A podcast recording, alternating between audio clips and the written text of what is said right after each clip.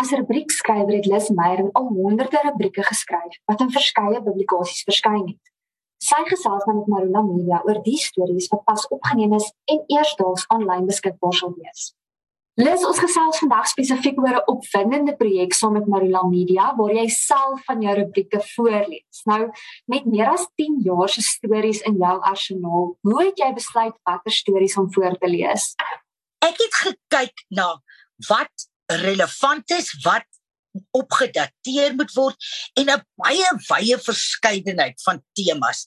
Want jy weet luisterstories, leesstof, luisterstof is 'n bietjie soos mense se kos maak. Een hou van ietsie ligter, 'n ander hou van iets wat meer soos 'n gourmet maaltyd is. Party mense hou van meer komiese goed, party meer satire, ander iets ernstig. Maar ek hoop dat elkeen van die stories 'n lekker pitkos het. Dis vir my die belangrikste. En dan natuurlik kies ek ook goed. Sommige skryf ek nie vir spesiale okasies. Soos byvoorbeeld Moedersdag, Vadersdag, Valentynsdag, Kersdag. Jy weet daai tipe van van goed hierdie stories is lekker want dit is tussen 3 en 5 minute. So dis kort kuns, so mense kan daarna luister terwyl hulle nog besig is om iets anders te doen of te bestuur of wat ook al. Want ons almal multitask mos maar. Lis nou van die rubrieke het voorheen in ander publikasies verskyn en jy het nou gesê jy het nou van dit nie geskryf vir spesiale geleenthede en vakansie daar en so aan. Was daar 'n herskrywing betrokke vir die stories wat voorheen verskyn het? Moes jy dit so 'n bietjie aanpas om dit relevant te maak of het jy dit net so gebruik? Onthou, hierdie was die Busy Lizzy rubrieke wat in rooi rose was vir 10 jaar en ek het na 10 jaar gesê, "Sjoe, mense, stop." Ek was natuurlik nou elke maand 'n uh, rubriek, maar daai rubrieke is 3 maande voor uitgeskryf om in die tydskrif te wees. En ek het verwysings wat ek gevoel het nie meer relevant is nie uitgehaal want dit is tog maar ten spyte van die feit dat dit nie tydsgebonde nie is nie, is dit wel tydsgebonde. En jy weet as 'n skrywer en 'n voorleser, 'n akteur, 'n regisseur, 'n aanbieder, al hierdie dinge, wil mense goed altyd verbeter. So dis lekker om te kan gaan en te sê nee, hierdie voel vir my lomp, hierdie voel nie vir my reg nie. Ek het daarmee voorreg gehad met rooi rose om die verhale redakteur die beroemde skrywer en drama ter Corlia Foriga te hê as subredakteur. Jy weet sy dit loop in haar are. Sy's die dogter van die skrywer Miek. En Corlia het baie saam met my, jy weet, gewerk. Sy het eintlik baie min verander. Sy het nogal gehou van hoe ek geskryf het in 'n rooi roos het gesê dit was die gewilde ding in die publikasie. Daar wie dis interessant dat selfs mans die tydskrif gekoop en om eers te lees en dan vir hulle vrouens te gee. Daar was een advokaat wat dit altyd gekoop het en dan bel hy my sodra die tydskrif uit is.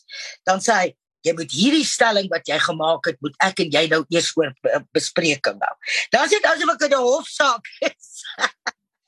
So dit was baie baie lekker om die terugvoer van lesers te kry oor die rubrieke. So ek het nie ek het nie verander wat onnodig is nie. Maar ek het tog gevoel dit kan vasgemaak word.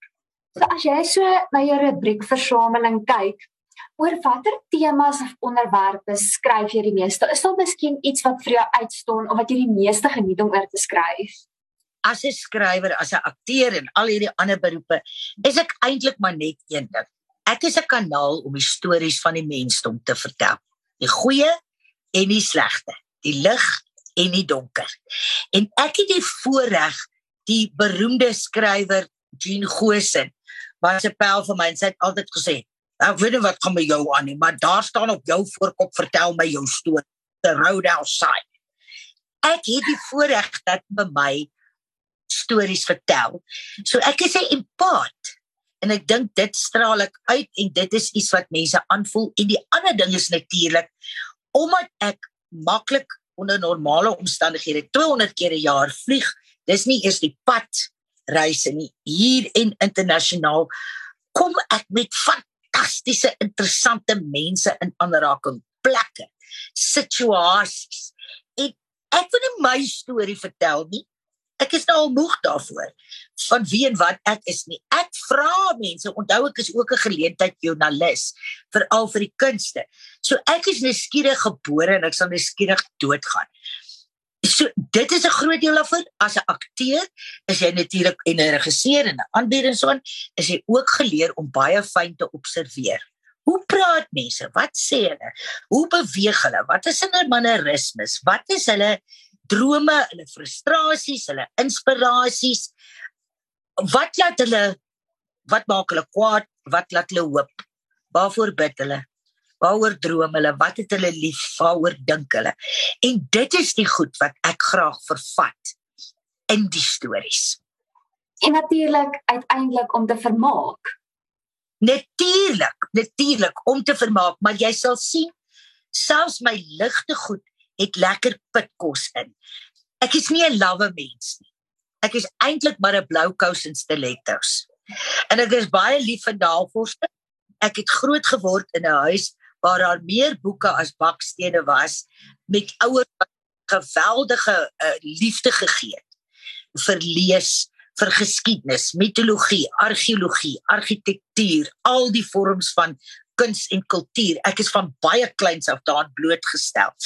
Ons is oor die wêreld as hulle vir kongresse geneem het, soms saamgeneem om te sien dat mense hoe mense dink. Ek en ek het respek vir kreatiwiteit op enige vlak. Dis nie die kunste nie en my kop werk averegs. So jy sal altyd 'n averegse streep in my stories kry. Nou Liz, met soveel rubrieke wat jy al geskryf het en wat al verskeie kere voorgeles is, is hierdie nou 'n nuwe projek en is opwindend. En waarom is jy opgewonde daaroor? Dit is nog nooit voorheen voorgeles. Dis letterlik splint. Ek het letterlik tydens Grendeltyd omdat ek al die regte teruggekry het van Rooi Rose, die vorige eienaars van uh, Rooi Rose Caxton en ook van NB Uitgewers wat 'n rubrieke boek met 60 van die stories ingehaat het, uitgegee het ek het alle regte wettiglik teruggekry en toe besluit ek ag weet jy gaan so een of twee opneem en kyk hoe klink dit. Werk dit? Van nie noodwendig alles wat as prosa of kortkuns werk op papier werk in optrede nie jy weet werk in performance nie en ek stuur toe 'n paar aan sommer maar net tydens harde grendeltyd vir my goeie liewe vriend Koenie de Villiers ek en Koenie is mekaar se keurders van ons werk. Hy sê my nuwe liedjie stuur en 'n konsep vir 'n nuwe show. Ek sal vir hom tekste stuur. Hy het ook al dikwels vir my die musiek vir produksies gedoen. Nie dat ek sing nie, die stemmingsmusiek. En ek stuur toe 'n paar vir Koenie aan. En Koenie is toe in die wolke daaroor. En hy sê vir my, jy moet iets hiermee doen. Ek sê ag Koenie, jy weet, die goed is nou daar, ons 120 goed en so en so aan. En hy kontak toe vir Susan Lombard by Marula Media en stuur vir haar van die stories aan. En dit is hoe die hele bal aan die rol gesit is. Ek het gedink ek kan dit maar net stuur vir my pelle by wie ek nie kan uitkom nie. Jy weet as verjaardag geskenke of vir mense wat weet eensaam is en dit nodig het vir al in ons bedryf. Dit is 'n bietjie ietsie, bietjie vermaak, bietjie leesstof, luisterstof. En nou ja, toe die ding gesneeubal en ek is baie dankbaar teenoor Marula Media Susan en Annelies en natuurlik ook afrikaans.com wat die borge hiervan is. Lesa, jy het vinnig net vir jou aanhangers en vir luisteraars en lesers net kan sê waar gaan hulle na hierdie stories kan luister?